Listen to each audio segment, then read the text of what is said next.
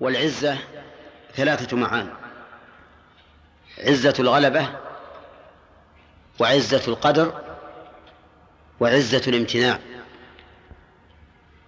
ثلاثة أقسام. يا حجاج. آه. قلها لنا. ثلاثة. فعزة الغلبة معناها أن الله تعالى غالب لكل شيء. وعزة القدر أن الله تعالى فوق كل شيء قدرا. وعزة الامتناع أن الله تعالى ممتنع أن يناله أحد بسوء. ومن الثالث قولهم أرض عزاز يعني إيش؟ صلبة صلبة قوية ما تؤثر فيها المعاول. سبحان ربك رب العزة. الغلبة عما يصفون بأن له ولدا. قول عما يصفون يجوز فيما أن تكون مصدرية ويكون تقدير الكلام سبحان ربك رب العزة عن وصفهم. ويجوز أن تكون موصولة ويكون العائد محذوفا. والتقدير عما يصفونه به عما يصفونه به. وقول المؤلف بأن له ولدا. هذا كالمثال لما يصفون الله به مما ينزه عنه. وإلا فهم يقولون إن الله له ولد وله زوجة وله شريك وله معين وهكذا. فكل وصف لا يليق بالله فإن الله منزه عنه. وإن وصفه به هؤلاء الأفاكون الكذابون.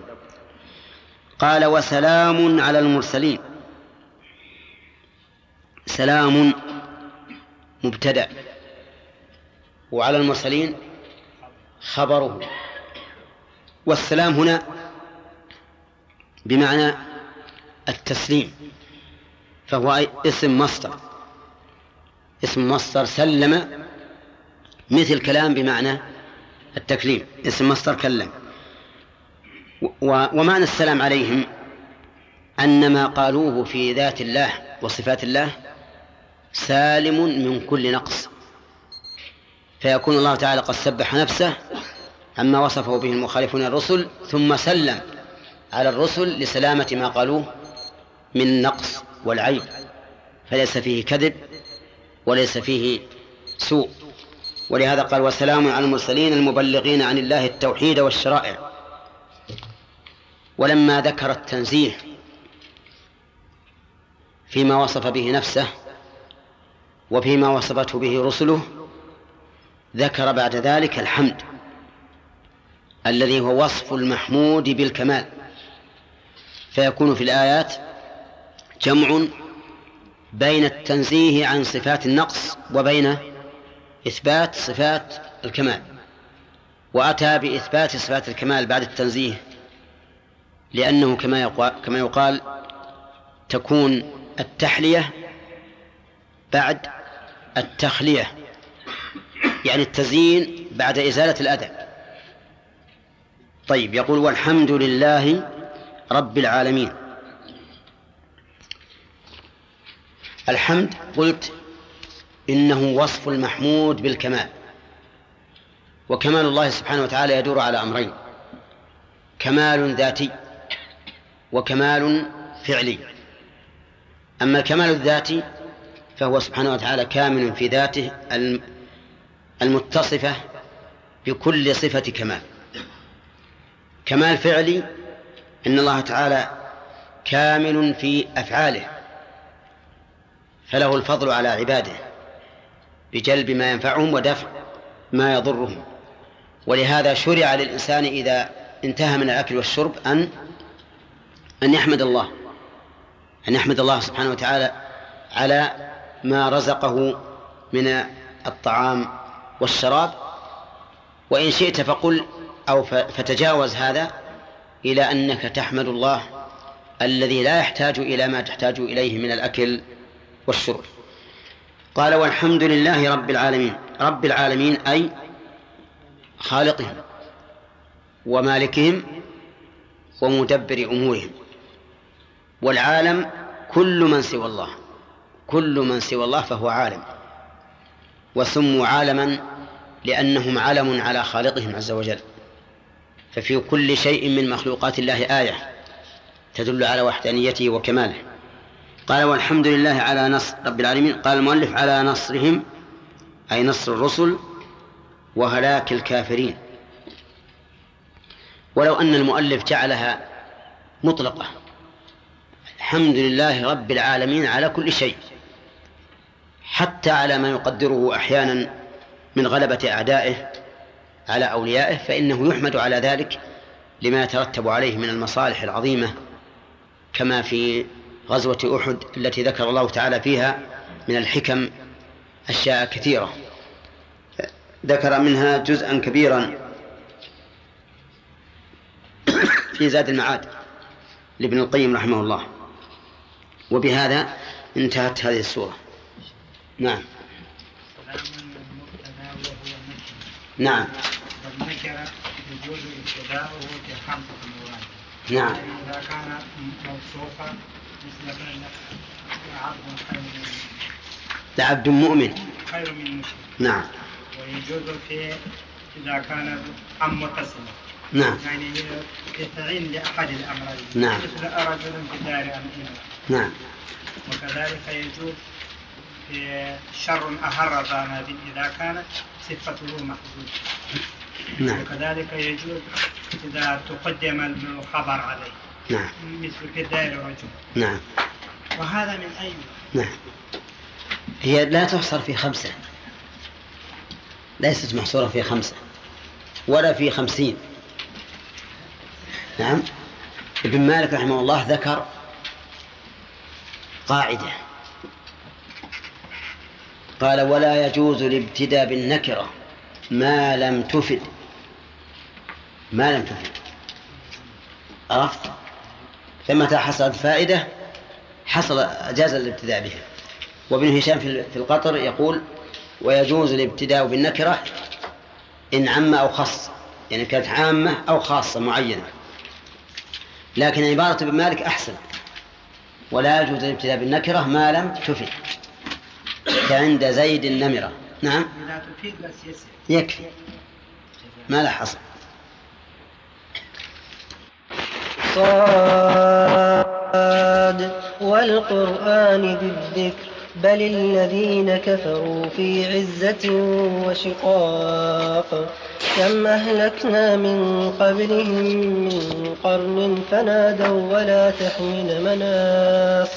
وعجبوا أن جاءهم منذر منهم وقال الكافرون وقال الكافرون هذا ساحر كذاب. أجعل الآلهة إلها واحدا إن هذا لشيء عجاب. بس أعوذ بالله من الشيطان الرجيم. قال الله تبارك وتعالى فتولى عنهم حتى حين. ما هو هذا الحين الذي جعل أمد التولي إليه؟ هو أجل إلى أجل إلى أجل. إلى أن يؤمر بالجهاد. إلى أن يؤمر بالجهاد. وعلى هذا التقدير يا أحمد تكون الآية؟ ناسخة يعني الآية هذه منسوخة. منسوخة. بآيات الأمر بالجهاد. طيب. هل يحتمل ما قاله الأخ؟ تولى عنه حتى حين أي حتى موتهم؟ ما تحتمل الآية. نعم. ما تحتمل حتى موتهم؟ لا لا تحتمل. لماذا؟ لأن ما الفائدة أنه يتولى حتى موت إذن لا ينتظر حتى الموت. نقول نعم تحتمل. آه. يعني ليس تولي قتال بل التولي يعني إعراض عنهم وعدم موالاتهم إلى أن يموتوا. على ما داموا على كفرهم. طيب. ما يعارض قوله أبصرهم فسوف يبصرون؟ نعم ما يعارض. ليش؟ لأن منهم لأنه سي هو لن يتولاهم بل بعضهم سيموت وهو لم يتولاهم. لا مو من تولى تولى يعني أعرض أي نعم يعني لا يركن لا يركن إليه. طيب إذا الاحتمال يحتمل هذا حتى حين يعني حتى يموتوا. وأنت ستبصر أنهم ماتوا سواء بالقتال أو بغير القتال. طيب. وعلى هذا تكون الآية غير منسوخة. قوله فسوف يبصرون ما الغرض من هذه الجملة؟ سوف يبصرون؟ تهديد. الغرض منها؟ تهديد. التهديد. طيب. قوله أفبعذابنا يستعجلون. هذه رد. على أي شيء؟ على استعجال بالعذاب ما الذي قالوه باستعجال بالعذاب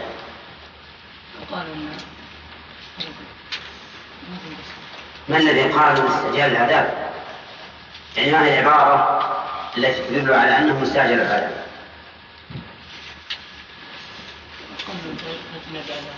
ها؟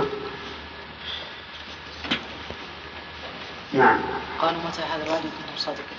نعم قالوا متى هذا الوعد إن كنتم صادقين؟ متى هذا الفتح إن كنتم صادقين؟ اللهم إن كان هذا هو الحق من عندك فأمطر علينا حجارة من السماء طيب. ونحو ذلك؟ قوله إذا نزل بساحتهم يعني هداية الله. ما معنى إذا نزل بساحتهم؟ إذا نزل نزل العباد أو عذاب عذاب على ساحتهم قريب لبيوتهم والعظيم هذا ساحة. وشبه العذاب بالعدو. لأن العدو ينزل على خصمه في ساحته. أحسنت و ووجدت كان تشبيه في هذا الأمر. آه. يعني هذا استعارة يعني كأنه كأنه يقول فإذا فإذا حل بهم العذاب إذا علموا. طيب. قوله فساء صباح المنذرين لأن هذه ساء فعل من أفعال. ناسخ الذم الناسخ الذم هنا وش وش تقتضي؟ تقتضي فعلا وتمييزا وفاعلا وفاعل. طيب أين الفاعل؟ ساعة صباح المنذرين صباح صباح المنذرين هذه. هنا آه، الفاعل حذف. وجملة صباح المنذرين هذا هذا التمييز الفاعل حذف. نعم. صباح المنذرين المنذرين هذا هو التمييز. يوسف.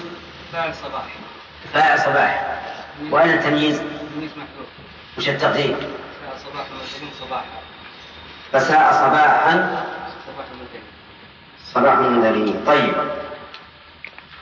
في قوله صباح المنذرين الأخ.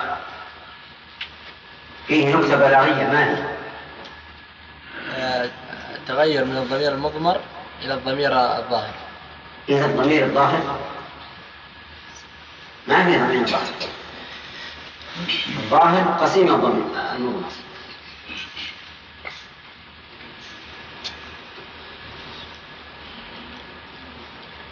من الضمير المضمر أنت فاهم المعنى لكن لم تفسر التعبير. أنا أريد أن يكون التعبير حسنا.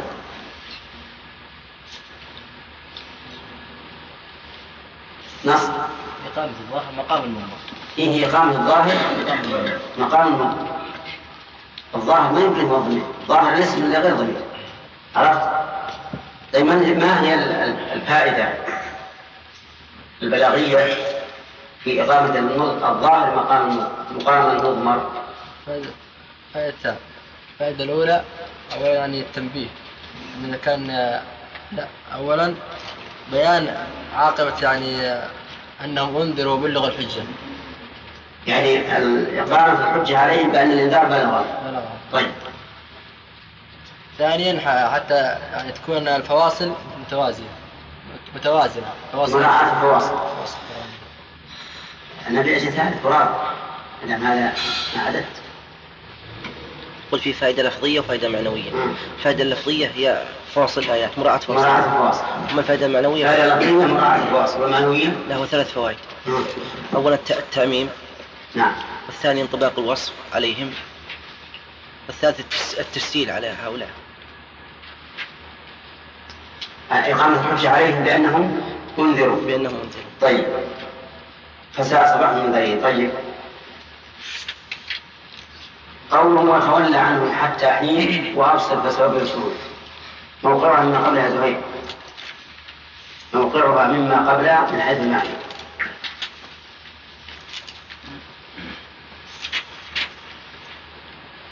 أما حضر طيب يلا. وأرسل فسوف يبصرون.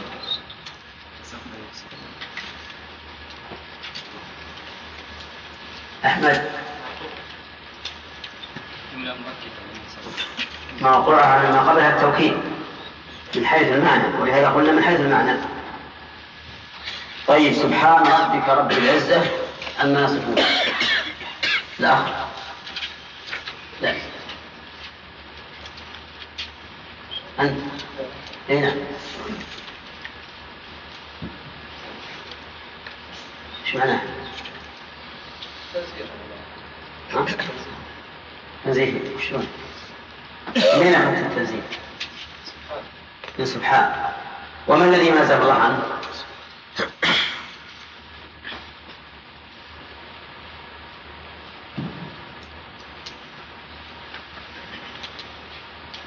طيب المماثلة والنقص. المماثلة والنقص. والنقص. مماثلة المخلوقات والنقص من كماله طيب. قوله رب العزة. ما معنى رب هنا؟ صح. رب بمعنى صح. صح ولا يصح أن تكون بمعنى خالق. نعم. يصح يصح أن تكون بمعنى خالق. لا يصح أن تكون على خالق. ليش؟ لأن صفات الله ليست مخلوقة لأن صفات الله ليست مخلوقة أنت إذا قلت رب الخلق صح بمعنى خالق الخلق. لكن رب العزة هي عزة الله. لا يصح أن نقول بمعنى خالق. لأن هذا يست- يستلزم أن تكون صفة الله مخلوقة. فهمت؟ طيب. قوله سلام على المرسلين. الجملة خبرية أو إنشائية؟ الأخ جنبك خبرية يعني أنه يخبر بأن المرسلين عليهم السلام. طيب. آه، لماذا سلم عليهم؟ لسلامة المقال لسلامة ما قالوه من النقص والعيب خلافا لما وصفه به هؤلاء. طيب. ما هي الفائدة من قوله بعد قول بعد سبحان ربك رب العزة؟ من قوله الحمد لله رب العالمين. حجاج.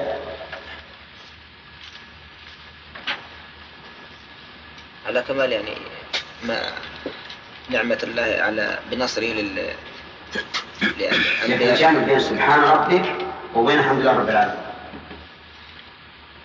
فائدة من ذلك.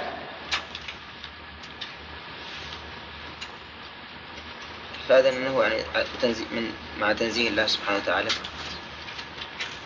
عن النماذج والنقص وهو له الحمد والكمال. ظاهر. نعم. لما ذكر الله سبحانه وتعالى ما ذكره الكافرون في في وصف الله سبحانه وتعالى بالنقص ذكر الله صفات الحم... الكمال التي اتصف بها سبحانه ثم قال بعد ذلك الحمد لله.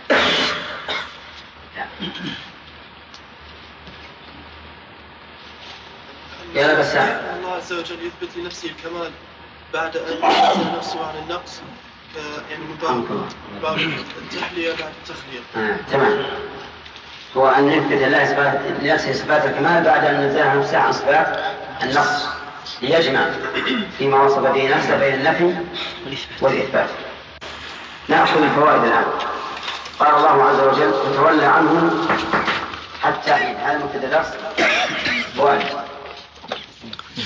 اللي قبل المخروج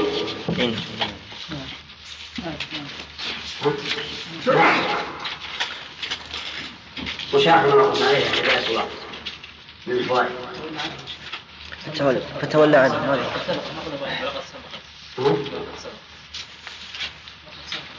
هذه؟ قال الله تعالى ولقد سبقت كلمتنا لعبادنا المرسلين إنهم لهم المنصورون من فوائد هذه الآية الكريمة أن الله عز وجل كتب لعباده المرسلين النصر. لقوله ولقد سبقت كلمتنا. وكلمة الله عز وجل الكونية لا تتبدل فوائد هذه الآية الكريمة تسلية الرسول صلى الله عليه وسلم وتثبيته على ما كان عليه من الرسالة. ومن فوائدها تهديد أعداء الرسل وأنهم مقتولون لأنه إذا كتب النصر للرسل فسيكون خذلان لأعدائهم ومن فوائد هذه الآية الكريمة أن نصر الرسل يكون بالله وبما يسره عز وجل من مخلوقاته وآياته. ولهذا قال لهم المنصورون ولم يبين من الناصر. ليكون هذا أشمل قال الله تعالى هو الذي أيدك بنصره وبالمؤمنين ومن فوائد هذه الآية الكريمة أن الغلبة لجنود الله الذين قاموا بنصر شريعته والذب عنها لقوله وإن جندنا لهم الغالبين ومن فوائدها تثبيت من دعا إلى الله عز وجل من أتباع الرسل بأن لهم الغلبة كما قال تعالى ولله العزة ولرسوله وللمؤمنين. فإن قال قائل كيف نجمع بين هذه الآية وبين ما حصل لبعض الرسل وبعض أتباعهم مما ينافي ظاهر الآية؟ فقد سبق لنا الجواب عليه بعدة أوجه. فلتكن معلومة لديكم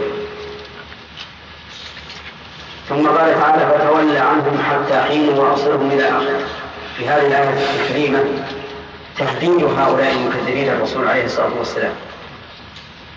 وأن طغيانهم لن يدوم لقوله حتى حين.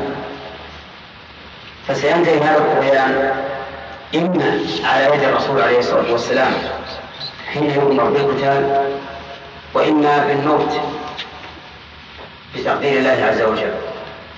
فهم لابد أن ينتهي أمره ولا يمكن أن يستمر طغيانه ومن فوائدها تسلية الرسول صلى الله عليه وسلم حيث أخبر بأن أداءه سينتهي أمره بعد حين. ومنها تهديد هؤلاء الأعداء الذين بلغوا في الطغيان والعدوان على رسول الله صلى الله عليه وسلم ما بلغوا ومن فوائد هذه الآية الآيات تحقيق هذا الأمر أي هلاكهم وزوالهم. بقوله وأبصرهم يعني إذا نزل بهم العذاب فسوف تبصر وتشاهد بعينها ومن فوائدها أيضا إعادة التحديد مرة ثانية بأسلوب آخر في قوله فسوف يبصرون. ومن فوائدها تأكيد المعنى بالعبارات المختلفة. ليكون ذلك أبلغ وليترقب هؤلاء المهددون العذاب من كل وجه. كقوله فسوف يبصرون. ومن فوائد الآية الآيات الكريمة بيان سفه هؤلاء وطغيانهم هؤلاء المكذبين وطغيانهم حيث كانوا يستعجلون العذاب. وجه هذا أنهم أنهم لو كانوا عقلاء لكانوا يخشون العذاب ولا يستعجلون. وأنهم لو كان عندهم نوع من الاعتدال ما صاروا يتحدون الرسل. فيقول هذا العذاب إذا كنتم صادقين. فهم عندهم سفة وعندهم مبالغة في الطغيان والعدوان. والآية التي أشرنا إليها آنفا وهي قوله تعالى قل اللهم وإذ قالوا اللهم إن كان هذا هو الحق من عندك فأنظر علينا حجارة من السماء وإذنا بعذاب أليم. هذا يدل على سفه قريش وأنهم من أبلغ ما يكون في السفه. لأنهم لو كانوا حلماء راشدين لقالوا اللهم إن كان هذا هو الحق من عندك إيش؟ فاهدنا إليك. فاهدنا إليك. هذا هو الصواب. أما فأنزل علينا حجارة من السماء هذا من أسفل ما ما ما يقوله البشر. ومن فوائد الآية الكريمة أن الله سبحانه وتعالى يتحدث عن نفسه في مقام الوعيد بصيغة العظمة إرهابا وإزعاجا لهؤلاء المتوعدين بقوله أفبعذابنا يستعجلون؟ ولم يقل أفبعذابي ولهذا لما جاءت لما جاءت العذاب على سبيل الخبر قال نبئ عبادي أني أنا الغفور الرحيم. وأن عذابي. ولم يقل عذابا عذابان. وأن عذابي هو العذاب الأليم. ومن فوائد الآية الكريمة الآيات الكريمة أنه إذا نزل العذاب في القوم فلن يفلتهم كقوله فإذا نزل لساحتهم فساء صباح المنذرين ومنها من فوائدها أنهم لو آمنوا في هذا الوقت فلن ينفعهم. لأنه لو نفعهم الإيمان لم تصدق عليهم هذه الجملة صدقا كاملا وهي قول فساء صباح المنذرين لأنه لو نفعهم الإيمان لزال عنهم هذا السوء ولكن الإيمان لم ينفعه لن ينفعهم. وهذه سنة الله عز وجل في عباده إذا نزل بهم العذاب فآمنوا أن لا ينفعهم الإيمان. قال الله تعالى فلما رأوا بأسنا قالوا آمنا بالله وحده وكفرنا بما كنا من المشركين فلم يكن ينفعهم إيمانهم لما رأوا بأسنا. وقال فرعون لما أدركه الغرق آمنت بالذي آمنت به بنو إسرائيل وأنا من المسلمين. فقيل له الآن وقد عصيت قبل وكنت من المسلمين.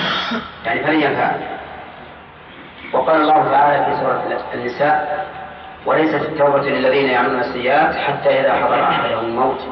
قال إني تبت الآن. وكل هذا يوجب للإنسان العاقل أن يبادر بالتوبة وأن لا يتأخر وأن لا يهمل لأنه لا يدري متى يأتيه الموت وإذا نزل به الموت فلن تنفعه التوبة. لا بد أن تكون التوبة في وقت تقبل فيه. يستثنى من هذا قرية واحدة.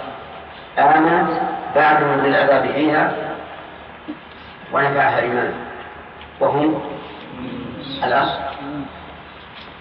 عبد الله هنا قرية آمنت بعد نزول العذاب بها فنفعها إيمانا ما حضرت أمس؟ طيب. نعم. ها؟ الذي أنتم لا الغير يتكلم طيب. قوم يونس الدليل على أنه نفع إيمانها بعد نزول العذاب بها. حقنينها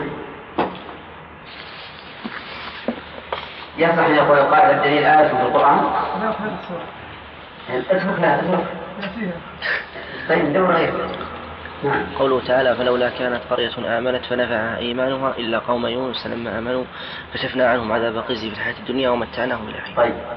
فلولا كانت قرية آمنت فنفع إيمانها إلا قوم يونس لما آمنوا كشفنا عنهم عذاب. إذا العذاب نزل بهم لكن لما آمنوا كشف الله عنهم عذاب الخزي في الحياة الدنيا. آه، ما هي الحكمة من أن هؤلاء نفعهم إيمانهم بعد نزول العذاب به؟ طيب. رشيد؟ إذا نبي يونس عليه السلام نعم. خرج مغاضب قبل أن يؤمر بالخروج قبل أن له بالخروج فكان هذا عذر له. نعم. صحيح. ومن فوائد هذه الآيات أن الله سبحانه وتعالى لن يهلك قوما حتى يقيم عليهم الحجة بالإنذار. يلا. الدليل من الآية.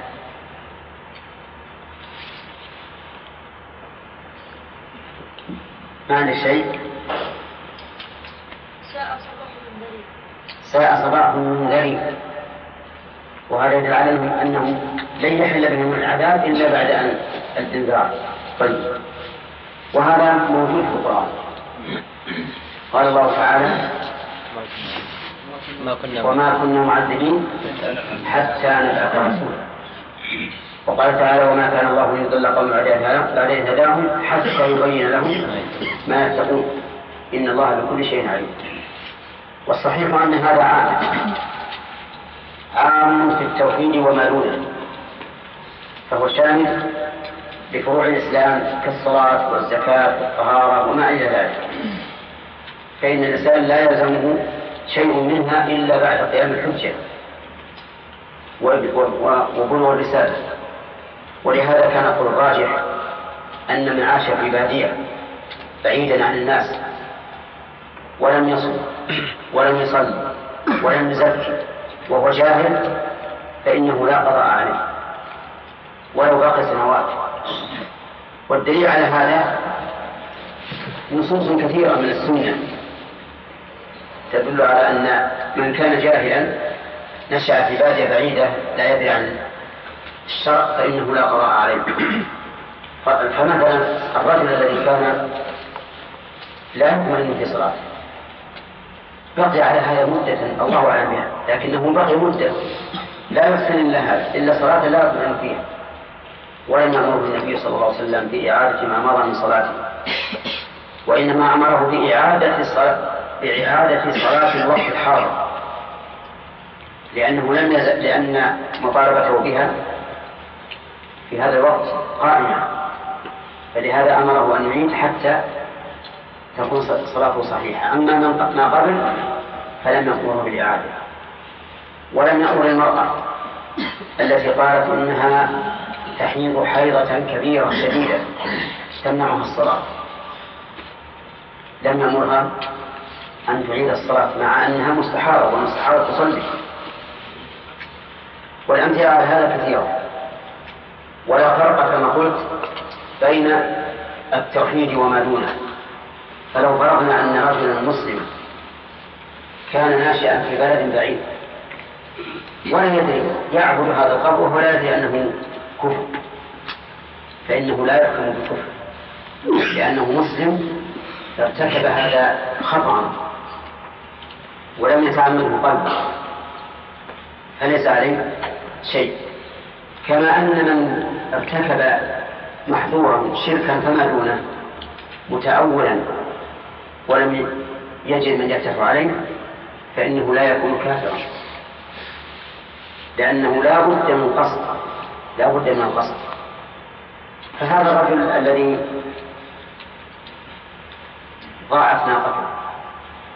في ثلاث من الأرض وطلبها ولم يجدها وأيس منها واضطجع في ظل شجرة ينتظر الموت.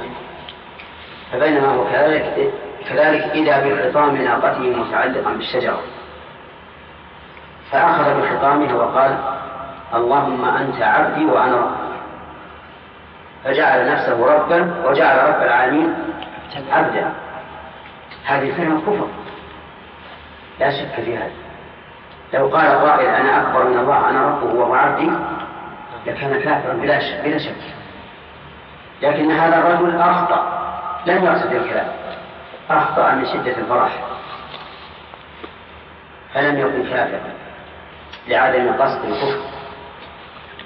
وكذلك الرجل الذي كان مسرفا على نفسه بالمعاصي قال لأهله إذا مت فأحرقوني واذروني في اليم.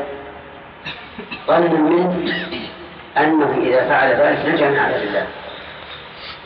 ولكن الله بقدرته قال له كن فكان فاجتمع فسأله ربه عز وجل لما صنعت هذا؟ قال خوفا من عذابك يا رب.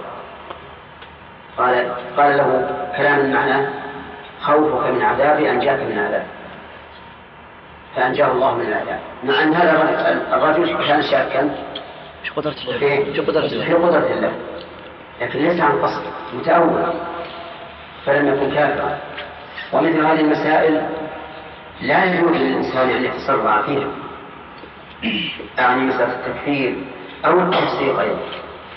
لأن بعض الإخوة يسارع في التكفير.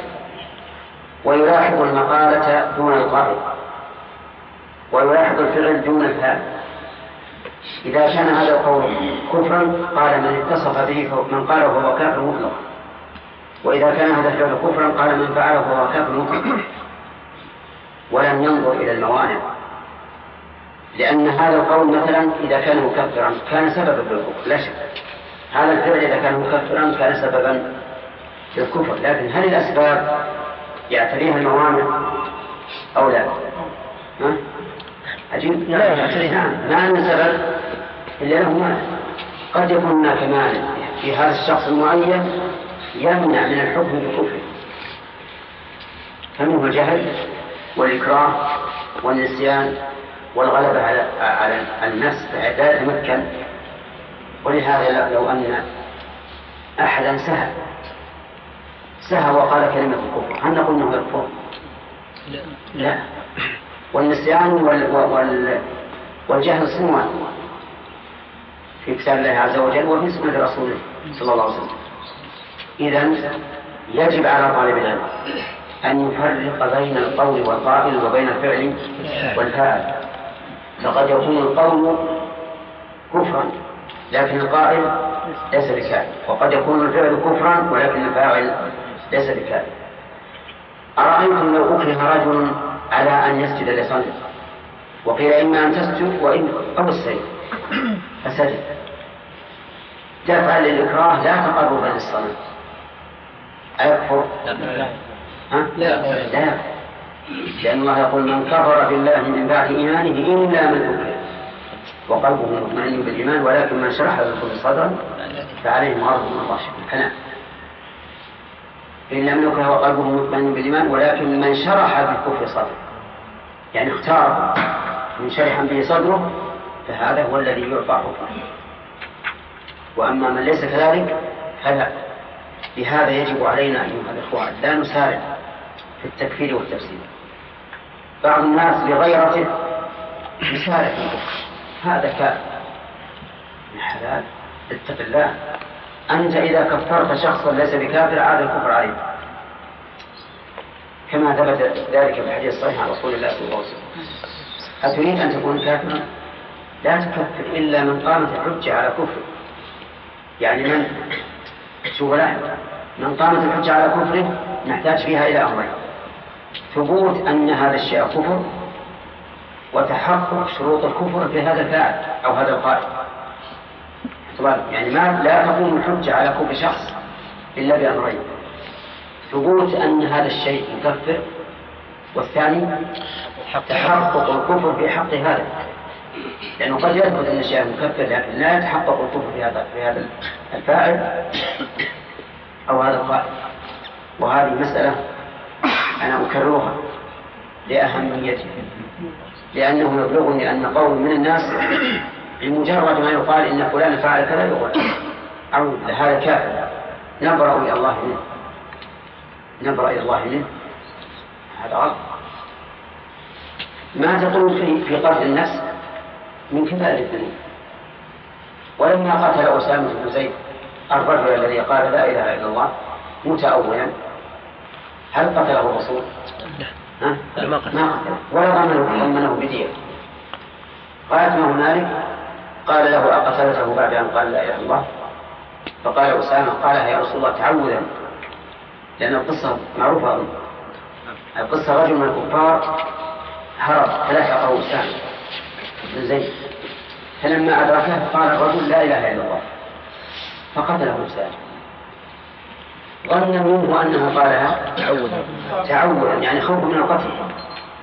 والقرينة مع أسامة القرينة مع أسامة لأن رجلا كافرا أدركه مسلم بسيفه فقال لا إله إلا الله. قرينة كونه متعوذا بها. نعم. قوية جدا. لكن الرسول صلى الله عليه وسلم لا يريد منا أن نحكم بما نظن يريد أن نحكم بالظاهر. إنما أقضي بنحو ما قال أقتلته بعد أن قال لا إله إلا الله؟ قال يا رسول الله إنما قالها تعوذا قال أقتلته بعد أن قال لا إله إلا الله؟ قال إنما قالها تعوذا قال أقتلته بعد أن قال لا إله إلا الله؟ شوف تكرار يقول فما زال يكررها حتى تمنيت أني لم أكن أسلمت بعد. الله أعلم الحاصل أنه يجب علينا أن نرفق بأنفسنا وبالناس. لا نكفر أحدا حتى يتبين لنا أن هذا الشيء كفر وأن هذا الذي قاله أو فعله ينطبق عليه شروط التكفير حتى لا نبوء نحن بالكفر أو الفسق. والحمد لله. الحكم من الحكم إلى الله ولا إلينا؟ إلى الله. إلى الله. إذا كان الله لم يكفر هذا الشخص ليش نكفره؟ إذا كفرنا ما لم يكفره الله فكأننا حرمنا ما أباحه الله. أو أباحنا ما ما حرمه الله. فعلينا أن نتقي الله. والأصل في المسلم الأصل فيه إيش؟ الإسلام.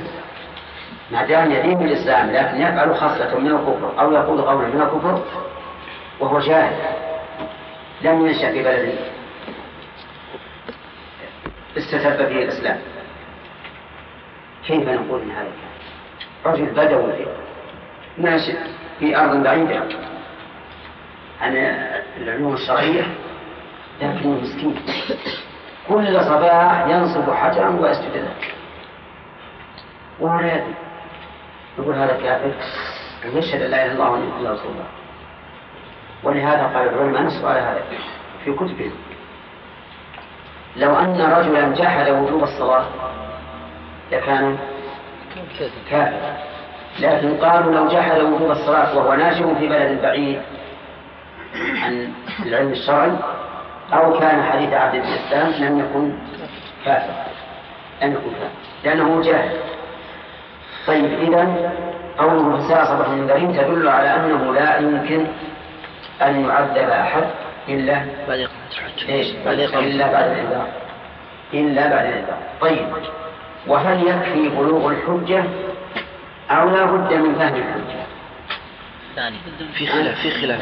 ذكرنا في الثاني لا بد من فهمه ولهذا قال الله تعالى ولو نزلناه على بعض الأعجمين فقرأه عليهم ما كانوا به مؤمنين ليش؟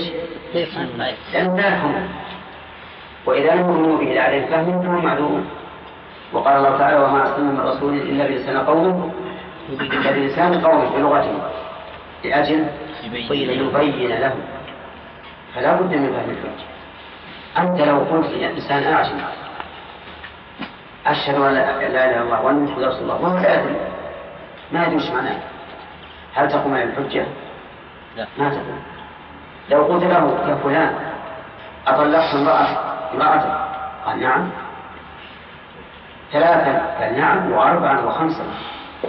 فهم من أطلقت امرأتك يعني جع- جعلتها طليقة تروح تجي. أعجب بماذا؟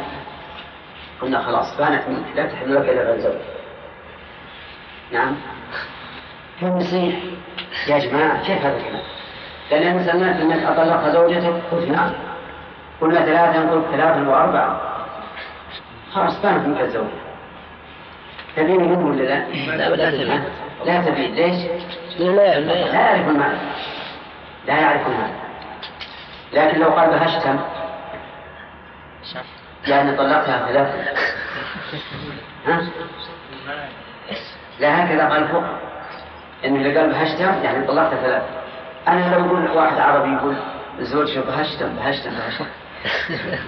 ما تطلق ولا مرة واحدة. لأنه لا يعرف فالمهم أن هذه مسائل مهمة. ينبغي للإنسان أن يعتني بها وأن لا يوقع نفسه في هلكة ويوقع غيره في هلكة. ويوالي ويعادي على و... على غير وجه شرعي. فالبشر